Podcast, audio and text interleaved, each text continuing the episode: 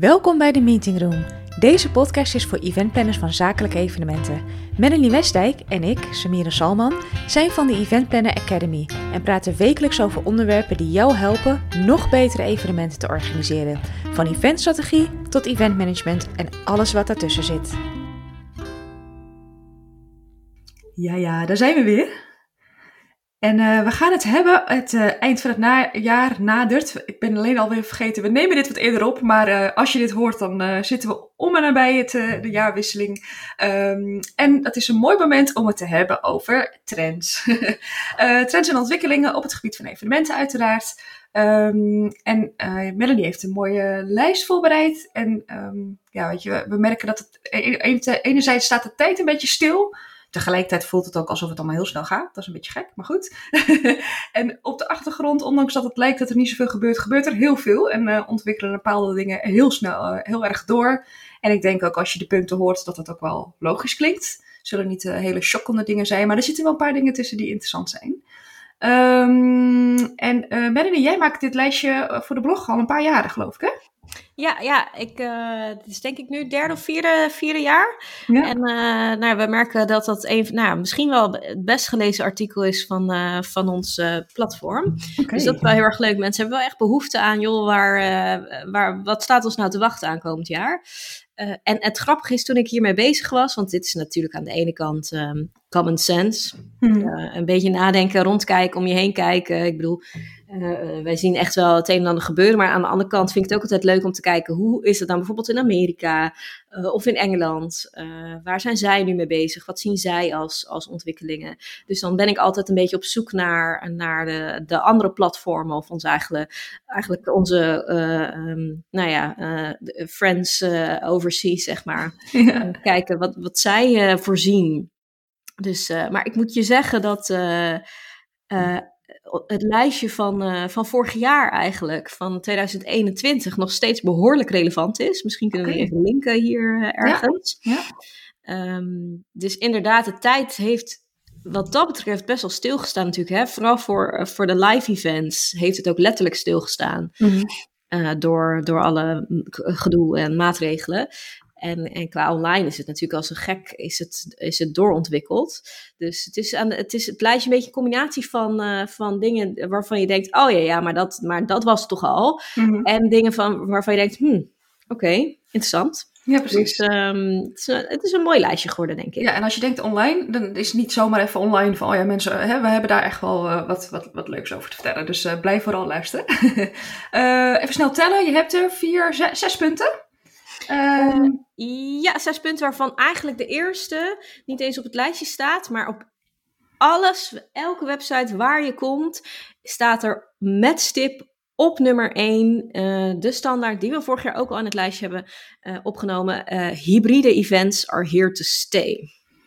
Ja, uh, dus die heb ik niet eens officieel in ons lijstje opgenomen, omdat het voelt als zo'n ontzettend open deur. Ja. Uh, hè, we, we, kijken naar waar we nu staan en weer met nieuwe maatregelen is het sowieso bijna de enige optie naast online. Hm. Um, maar ook kijken naar de toekomst, uh, zijn bedrijven toch wel gaan inzien dat het een, een hele efficiënte manier is om, om bij elkaar te komen. Mm -hmm. en zeker als het gaat natuurlijk om internationale evenementen. Dus um, ja, hybride is here to stay. Beetje, beetje open deur, maar wel echt een hele belangrijke. Ik moet, het is misschien een gekke vergelijking, maar ik moet een beetje aan mode denken. Dan komt er iets heel erg in. Uh, uh, nou, de fluffy, de teddycoats of zo. En dan zijn er eerst een paar voorlopers die daarmee, hè, die daarmee durven lopen. Dan is het in het begin nog een beetje gek. En dan Um, ik zie dat wel vaker bij mode. Dan denk je, oh jeetje, intussen dragen we dat al tien jaar of zo. Uh, weet je wel, op een gegeven moment wordt het heel erg mainstream. En ik denk dat dat, dat voor dit soort dingen natuurlijk ook geldt. Hè? Dus er zijn een paar mensen die dit gelijk oppakken, hybride events, uh, die dat gelijk aandurven. En er zijn heel veel mensen afwachtend. En je hebt toch ook die early adapter, hoe heet die ook weer die curve? Ja. Dus de early adapter en de, de, de majority. Dus, dus ik snap inderdaad dat die nog op het lijstje staat.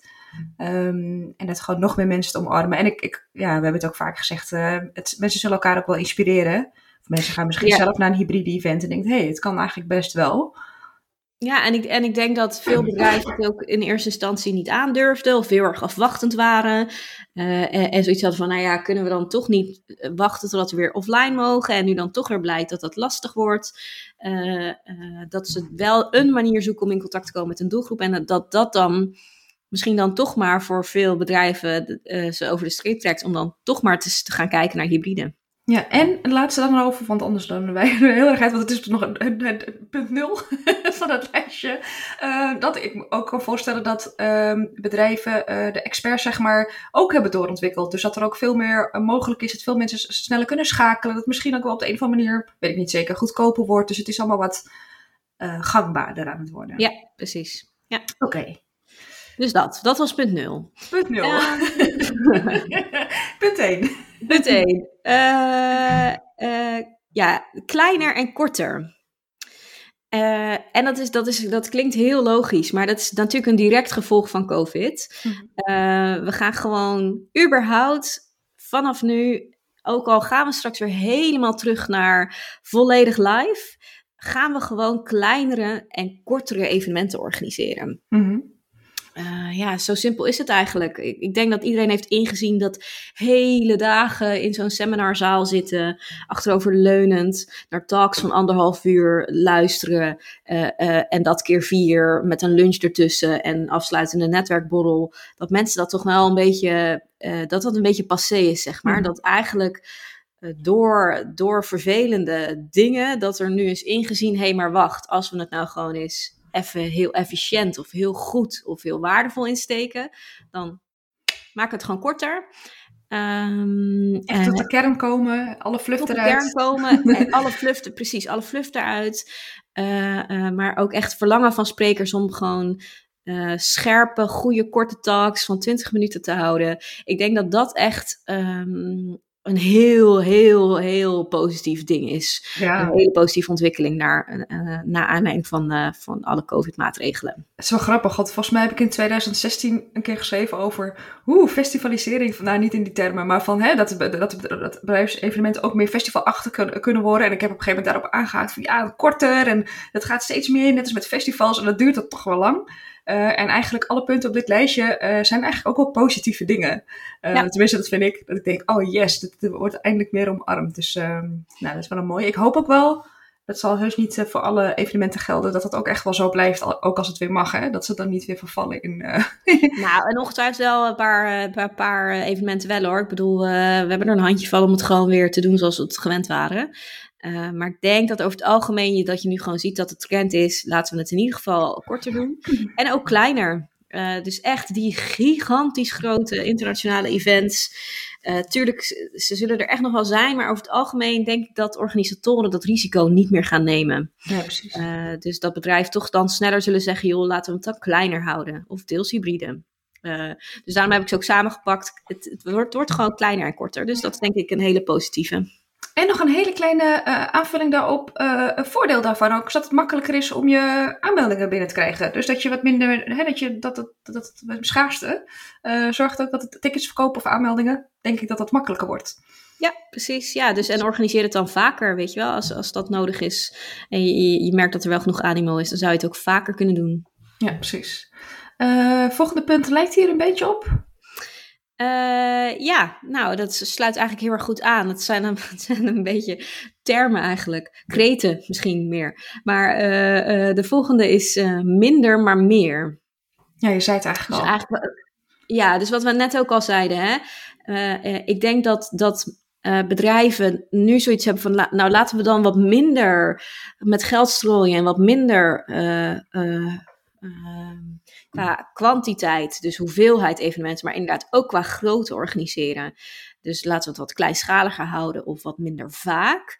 Maar als we het dan doen, laten we het dan heel goed doen. En laten we dan echt gewoon goed kijken naar waar steken we het geld in. Goede sprekers, uh, uh, echt hele goede programmering, goede catering. Dus, hè, want dat, dat geld is er dan in principe toch. Dus ik, ik denk dat, dat het gewoon, dat, dat de kwaliteit eigenlijk van die evenementen, dat dat echt ten goede is gekomen. Uh, dat, dat het ten goede is gekomen van de kwaliteit. -hmm.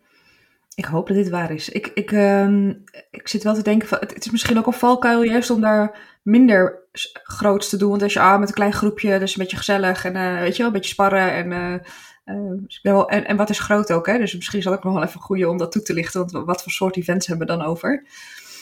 Nou, ik denk, ik denk niet zozeer. Ik denk dat het aan de ene kant met grootte te maken heeft, maar ik denk dat het aan de andere kant ook met de hoeveelheid te maken heeft. Dat bedrijven misschien snel geneigd waren om per kwartaal uh, van alles te doen, of uh, per jaar een gigantisch groot seminar. Maar dat ze nu zoiets hebben van: nou ja, het is A, het is een groot risico. En B, kost het gewoon veel geld. Dus laten we het gewoon één keer per twee jaar doen, maar dan echt goed. Dus ja, um, dus min, dan is het een minder groot risico. Maar dan hebben we ook meer budget om uh, in te steken op kwaliteit. Ja, een mooi voorbeeld. Ja, die kan ik, uh, die kan ik me heel goed bij indenken. En ook veel relaxter, hè? Om gewoon, dan heb je gewoon veel meer tijd ook om het goed te doen. Even los hè, van budget. Maar dan heb je ja. gewoon iets, want een jaar is zo voorbij. Dus, eh, ja, en ook dus maar gewoon misschien externe event professionals in te huren. Of een hele goede tech team. Of, de, of dat platform, dat softwareplatform voor je om het, om het heel goed hybride te maken. Of die sprekers internationaal en niet, niet wellicht niet laten overvliegen, maar misschien ze hybride met een vette hologram of zo te laten, laten spreken. I don't know. Ik denk dat dat gewoon uh, dat over het algemeen die budgetten zijn er, mm-hmm. maar dat mensen dan nadenken over: oké, maar als we het doen, dan gaan we het goed doen. Ja, precies. Nou, dat klinkt uh, heerlijk. Ja, toch? Ja, ja uh, uh, ik denk het ook. Ik denk dat het, ik ben sowieso voorstander van, uh, van minder lukraak en gewoon beter nadenken over waar je geld aan uitgeeft. Ja, precies. En de volgende vind ik ook heel, heel fijn om te horen, want daar ben ik heel erg van. En die stipt je ook al even aan. Event hubs. Kun je daar nog wat over toelichten? Ja, ik weet nog dat ik de eerste keer dat ik die term hoorde, dat ik echt dacht, wat, wat is een hub? Ja. um, uh, maar kijkende naar alles in de wereld, denk ik dat de echte gigantisch grote internationale events, dat die veel minder vaak zullen voor gaan komen in de toekomst. Ook als we straks weer mogen. Tuurlijk zullen we, hè, wat we net zeiden, dus ik denk dat het allemaal een beetje voor, voor alle punten geldt. Tuurlijk zijn er ook nog wel echt eh, internationale congressen die gewoon doorgaan. Maar ik denk dat ook veel bedrijven toch gaan kijken naar de mogelijkheden om het um, misschien synchroon wel op verschillende plekken te doen in de mhm. wereld. Mm -hmm. Uh, dat is wat je bijvoorbeeld, ik hoorde laatst in een podcast dat, uh, dat Microsoft dat bijvoorbeeld al echt aan het doen is. Hè? In plaats van uh, alles in één op Dubai of in Dubai of in weet ik veel New York of zo, hebben ze nu zoiets van, nou, we pakken gewoon onze key steden mm -hmm. en dat zijn er tien en daar laten we in een week lang tijd laten we alles plaatsvinden. Zodat mensen niet hoeven te reizen, hè, want dat is nu überhaupt lastig. Um, maar ik denk ook in de toekomst, kijkende naar duurzaamheid, uh, uh, kijken naar hoe fijn kleinschalige evenementen eigenlijk zijn ten opzichte van grootschalige evenementen. Ik denk dat het gewoon ook dit weer een hele uh, goede bijkomstigheid, of een heel positief gevolg is van iets negatiefs. Ja, precies. Um, dus echt kleine event hubs, dus kleine, kleine, kleine, ja, hoe zou je een hub ja, omschrijven? Ja, volgens mij is het een verzamelplek. Een verzamelplek waar in principe een, eenzelfde soort event kan plaatsvinden. Hè. Wellicht heb je wel gewoon nog steeds uh, dezelfde soort sprekers of dezelfde uh, uh, hoofdact of hoofdspreker, maar die is gewoon hybride. tegelijkertijd moet je even goed naar, naar tijdzones kijken natuurlijk. Op meerdere plekken aanwezig. Ehm, eh, misschien ook niet. Misschien uh, kun je dan wel heel erg gaan kijken naar wat zijn lokaal onze uh, doelgroep wensen of doelstellingen. En, en kan je het toch meer splitsen of, of deels. Ik denk dat het heel interessant is en dat het heel veel mogelijkheden kan bieden. Waar ik ook aan moet denken, ik weet niet of je daar iets over bent tegengekomen toen je dit uitzocht. Dus ik kan me ook voorstellen, daar heb ik het ook al eens over geblogd, dat je uh, ook kan aanhaken op bestaande events. Hè? Dus stel dat er wel die ene giga internationale event komt, dat je met je eigen event in plaats van zelf een week later of concurreren op de dag zelf, dat zou niet zo slim zijn. hè? Maar dat je dan uh, misschien wel een plekje kan krijgen uh, op de beursvloer of in een zaal, weet ik veel, hè? Als, het, als het allemaal logisch matcht, waarin je dus dingen ook samenvoegt. Ja, precies. Want dan komt die hub ook weer terug, ja, zeg maar. Ja, precies. Dus ik denk dat, dat voor zeker de hele grote organisaties uh, dat dit echt wel uh, een, een mooi ding wordt voor 2022. Ja, tof. Um, ik zit even te denken, ik ga hem ook hardop zeggen. Ik, zit, ik, ik, kan me ook voorstellen dat het ook wel juist voor kleinere communities, en dat het al een beetje gebeurt, hè, maar dat mensen dat niet zo zien. Uh, dat Tuurlijk. ja. Zeker, dus, dus ik denk, het gebeurt ook steeds meer. En het, het haakt ook heel erg aan op, dat, uh, op het punt uh, kleiner en korter. Ik bedoel, het haakt allemaal in elkaar natuurlijk. Mm. Maar ik denk dat, dat het de grootste verandering zal zijn voor de internationale congressen. Gewoon voor de internationale eventwereld. Waarin we gewend zijn om de hele wereld over te reizen. Om naar een congres te gaan, of naar een beurs te gaan, of naar een evenement te gaan. Ik denk dat dat zeker niet verdwijnt, maar dat mhm. het wel echt minder wordt. En dat bedrijven wel echt daar op een, met een andere manier, op een andere manier mee om zullen gaan. Ja, precies. Oké. En dan punt 4 is uh, even in een iets andere hoek. Een hele interessante. Ja, daar gaan we de volgende podcast veel uitgebreider over praten. Dus we, houden hem ook even kort. Dus mocht je nu na het horen van dit punt zoiets hebben van ik heb nog steeds geen idee. Dat had ik de eerste tien keer dat ik het hierover hoorde ook niet. Dus ik moest me echt even goed inlezen. Um, maar uh, online heeft natuurlijk echt een vlucht genomen. Hè? Uh, en online is, heeft al überhaupt niet, niet, niet zozeer op het gebied van evenementen alleen, maar gewoon überhaupt neemt online natuurlijk een gigantische vlucht. En um, een paar maanden geleden, volgens mij, kondigde Facebook ineens aan, of in ieder geval Mark Zuckerberg ineens aan. Hey, hallo lieve mensen, ik ga aan de slag met de metaverse. Uh, sterker nog, we gaan ons, heel bedrijf, ons hele bedrijf is al gerebrand en heet voortaan Meta. En iedereen dacht: Wat? Wat? ik weet nog dat ik echt dacht: Wat? Wat is dat? Ik, de term, ik had hem echt nog nooit gehoord. Um, uh, laat staan dat ik überhaupt een verband zag hoe dat, uh, hoe dat met evenementen zou kunnen zijn. Uh, maar die is er wel degelijk. Het heeft namelijk heel erg te maken met virtual reality. Mm -hmm. um, de metaverse is eigenlijk een soort van uh, wereld, een online wereld die je kunt creëren. En er zijn al een aantal platformen uh, die we nu met online evenementen gebruiken. Hè? Dus om een soort van virtuele beursvloer te creëren of virtueel evenement.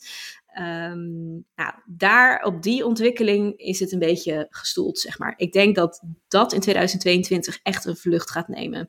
En het, denk ik dat het echt nog voor de early adapters zal zijn. Dus ik denk niet dat de standaard uh, organisatie die uh, eigenlijk altijd normaal gesproken een congres of een beurs organiseert, ineens nu volledig dat in de metaverse gaat doen. Mm -hmm. um, of volledig alles op basis van uh, VR of AR, augmented reality gaat doen. Maar ik denk wel dat de, de echt de, de tech-partijen, de jonge partijen, degenen die bezig zijn met ontwikkelingen, dat interessant gaan vinden. En dat we op steeds meer plekken alleen al virtual reality brillen gaan krijgen. Op steeds meer werkvloeren. Ja, precies. En wat ik nog, misschien uh, is dat een kleine spoiler voor volgende keer, dat weet ik niet. Maar ik kan me ook voorstellen dat um, hè, als dan een, een, bedrijf als Facebook dit gaat doen, dat je het dus privé al is een soort van spel, dat je het nieuwsgierig bent, dat mensen het al gaan gebruiken privé. Hè, nu, wat je zei, wordt, wordt VR al gebruikt, maar dan is het een eenmalig. Hè? Je gaat naar het event en dan moet je ergens inloggen, een account maken, bla bla, poppetje maken misschien. en jezelf een haarkleurtje geven en dan, en dan is het weer weg. Uh, en als um, uh, Facebook, ik noem het nog maar even Facebook voor de duidelijkheid, uh, als je daar je eigen karaktertje kan creëren, wat je nu al kan doen in de sticker. Hè? Dus ik kan me voorstellen dat dat dan 3D wordt, um, dat het dan ook dan logisch wordt om dat te koppelen met je event platform ja. of hoe dat ja. ook werkt. Dus dat is dan ook wat laagdrempeliger voor in ieder geval voor de gebruikers om in te stappen. Maar ik kan me voorstellen dat voor organisatoren... dit, zal, dit zal een trend zijn die komende vijf jaar nog wel op het lijstje zal staan. Ja, ik denk dat dit iets is wat nu echt heel langzaamaan uh, een beetje, beetje gedaan gaat worden door de early adapters. Um, en, en wat ook, want je hebt het nu over privé, ik denk dat dat heel erg klopt, maar ik denk dat ook Um, hybride werken wordt natuurlijk een steeds groter ding. Hè? Ja. Dus we gaan überhaupt meer online werken. En ik denk dat hybride werken wordt, wordt denk ik ook een voorloper van hybride, van, van uh, um, evenementen in de metaverse. Ja, maar goed, daar gaan we volgende week veel uitgebreider, uh, volgende podcast in ieder geval, veel uitgebreider op in. Ja. Um, dus uh, luister zeker even. Maar dit is, ik vond het, ik, ik ben altijd toch wel geïnteresseerd in al die technologieën en die ontwikkelingen. Dus ik vond het echt uh, heel tof om hierover te leren ja. en te lezen. En, en, ook om te weten wat het eventueel kan gaan betekenen voor de evenementindustrie. Ja, te gek. Ik kan niet wachten. Veel. Volgend ja. jaar een beetje, heel klein beetje. Maar ik denk over vijf of tien jaar gigantisch veel. Ja, te gek. Oké, okay. um, volgende punt haakt ook weer een beetje hierop aan. Uh, een, een punt waar jouw hart sneller van gaat kloppen. Ja, Data. Data. Data. Data. En wat is daar, nou ja, ik, ik kan misschien al een beetje invullen. Hè, want ik zou denken van ja, wat is er dan anders? Want ik staat er al een tijdje op. Maar het wordt natuurlijk door al die ontwikkelingen ook steeds makkelijker denk ik, om, om data te verzamelen. Ja, dit is echt, echt het directe gevolg van anderhalf jaar online evenementen organiseren. Ehm, ik las zelfs in een artikel dat, uh, uh, dat doordat we zo'n behoefte hebben aan uh, dat we op een gegeven moment zo zoommoe waren en zo behoefte hebben gehad aan het interactief krijgen van, van online evenementen. Hè, dat herkennen wij heel erg. Daar is, daar is veel vraag naar, ook op ons platform. Um, dat uh, een logisch gevolg daarvan was, is dat ze dan maar. Maar wat is dan de data? Hoe lang keken mensen? Hoe lang bleven ze haken, aan, aangehaakt? Welke spreker vonden ze tof? Hè, dat, is, dat is allemaal data natuurlijk. Mm. Um, dat wilden mensen weten. Met als gevolg dat al die online platformen, dus die platformen om die events op te hosten, daar veel meer ook op gingen insteken. Van oké, je wil dat weten, dan gaan we gewoon veel meer data genereren voor je. En zo is eigenlijk die, die drang naar data, die wat mij betreft altijd al belangrijk is, uh, maar nu uh, met online evenementen is die, is die nog veel belangrijker geworden. En al die platformen hebben daar handig op ingespeeld. Um, dus er is zo ontzettend veel data te vergaren nu. Uh, op het gebied van online evenementen en hybride evenementen. Uh, wat heel interessant is. Ja, hier kan ik echt heel lang over praten. Want het gaat niet alleen om, om interactiviteit of hoe, je, hoe lang het publiek blijft hangen, maar je kan alles. Even los van, van privacy, technisch, hoe dat allemaal zit. Maar je kunt als, als organisator kun je er natuurlijk van alles mee met die data. Ja, het wordt ook gewoon makkelijker om bepaalde keuzes te maken. Ik denk ook wel dat mensen, dat vul ik zomaar even in, maar dat het voorheen misschien mensen het wel interessant vonden, maar te ingewikkeld. En dat doordat het steeds makkelijker wordt en steeds eenvoudiger, dat dat ook steeds... Ik merk het aan mezelf, ik had voorheen niet zoveel met data. Ik vond het heel complex, maar ik maakte het vooral complex in mijn hoofd. Maar op een gegeven moment kom je er steeds meer in en dan wordt het ook steeds leuker. Dus ik hoop ook wel Precies. dat eventplanners dat ook zo zien. Dus ik hoop, en, en de ontwikkeling hier, of de trend hierin is echt dat uh, organisatoren hopelijk de kracht van data gaan inzien en het gaan gebruiken om nog betere evenementen te organiseren of om nog beter af te stemmen op de doelgroep. Want met al die data kun je dat gewoon. Ja, precies. Um, dus, dus dat is denk ik het interessante daaraan. En, en we zijn niet meer alleen maar afhankelijk van uh, de, de papieren enquêtes die, die oh. aan het oh. einde van de evenementenlocatie lagen, waar mensen dan uh, konden invullen wat ze van de broodjes vonden. Nee, we weten alles. Uh, ga daar, maak daar gebruik van. Uh, ik denk dat dat uh, steeds meer een ding gaat worden. En niet alleen voor de, e-, om het goed, om, om het, het, verbeteren van evenementen of om je doelgroep beter te bereiken voor je evenementen, maar gewoon bedrijfsbreed. Mm -hmm. Ik denk dat het heel interessant is voor, voor bedrijven om een evenement te organise organiseren. Alleen misschien al met als doel om data te vergaren ah. over de doelgroep. Dat is wel een goeie. En ik zit even te, even te spieken, want ik, daar heb ik toch een podcast ook over. Dat vond ik heel interessant. Uh, dat ging over de beurs. Dat je zeg maar met heatmaps ja. Uh, ik moet even checken, heb ik dat nou wel of niet? Of is het een blog geweest? nou goed. Um, dat je. Ik ga even. Ja, beursmarketing. Uh, aflevering, nou klik ik dan net weg. Uh, aflevering 15. En dan gaat het ook over dat je met heatmaps um, uh, kun je dus ook zien waar het druk wordt, wat mensen stoppen, waar mensen niet zijn. Weet je, dat soort dingen zijn ook Vet super interessant. interessant. Vet interessant. En niet alleen voor jou als organisatie, hè, om daar inzicht uh, op, op te vergaren en dan dus ook daarop te handelen, hè, want dat wil je dan vooral. Uh, maar ook voor, voor, die, voor die exposanten, voor, voor je sponsoren, voor bedrijven. Het is zo interessant. Je hebt gewoon, data is gewoon het nieuwe goud. Ja, de data is natuurlijk al, big data is natuurlijk ook iets wat al uh, een aantal jaar op allerlei andere lijstjes staat. Maar ik denk specifiek voor evenementen dat dit nu echt wel uh, heel belangrijk is in de toekomst. om ja, big data veel meer ermee te gaan doen. Het is geval een kans. Ja, precies. En ook wat toegankelijker dus, wat we al zeiden. Big data voelde nog een beetje ver weg. En, uh, ja. Oké, okay, last but not least. Jazeker. Ik vond dit wel een. Ik denk dat uh, jouw hart hier ook wel. Ja, uh, absoluut. wat uh, sneller van kan kloppen. Ik vond het een hele interessante. Er, zijn, er is een, een organisatie, Positive Impact Events. Dat is een internationale organisatie. Die heeft gewoon gezegd: laten wij voor 2050 de Race to Zero gaan beginnen. Uh, en dat betekent simpelweg dat we, uh, um, dat we zeggen dat het evenement dat wij organiseren, dat het um, uh, geen impact heeft op, hè, hoe zeg je dat, op het milieu. Dus dat ja, het gewoon, gewoon geen footprint heeft. Maar gewoon geen, gewoon niet eens, een, niet eens een beetje, maar gewoon, gewoon niet. Klimaatneutraal evenement organiseren. En het leuke is dat die organisatie, ja, vet hè, de organisatie heeft dat bedacht als doel gesteld En jij kunt dus, ik, jij, als jij nu luistert, kun je intekenen op deze Race to Zero.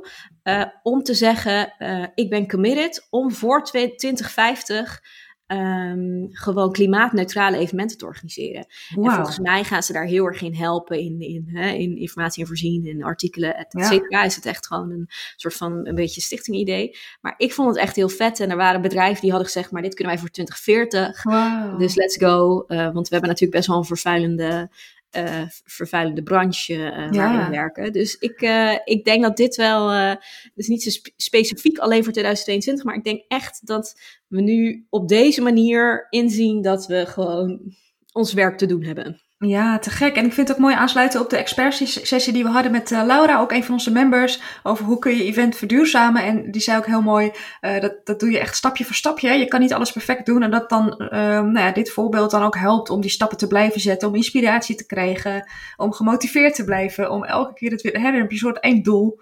Uh, voor ogen. Qua tijd ook. Uh, is lekker smart. dus, uh, dus dat klinkt wel heel tof.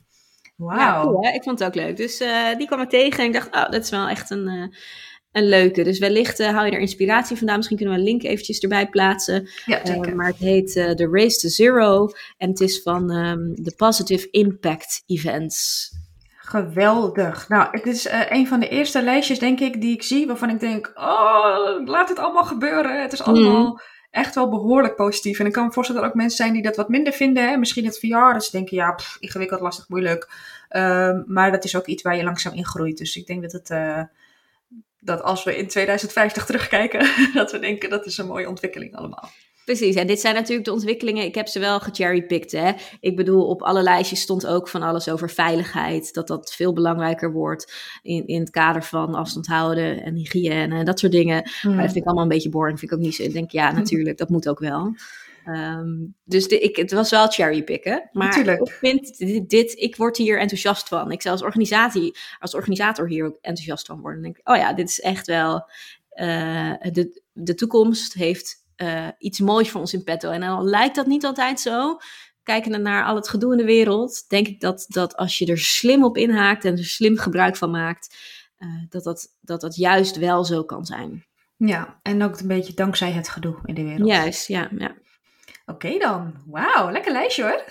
Nou, toch? ja, tof. Dankjewel. En uh, zoals je aangaf, de volgende keer uh, gaan we het hebben over, nog meer, nog uitgebreider hebben over de metaverse en virtual reality. Ook echt een super tof onderwerp. Dus uh, ik zou zeker even luisteren en dan kijk daarna maar wat je ermee doet. ja, toch? Precies, ja. Oké, bedankt voor het luisteren en tot de volgende keer. Doei!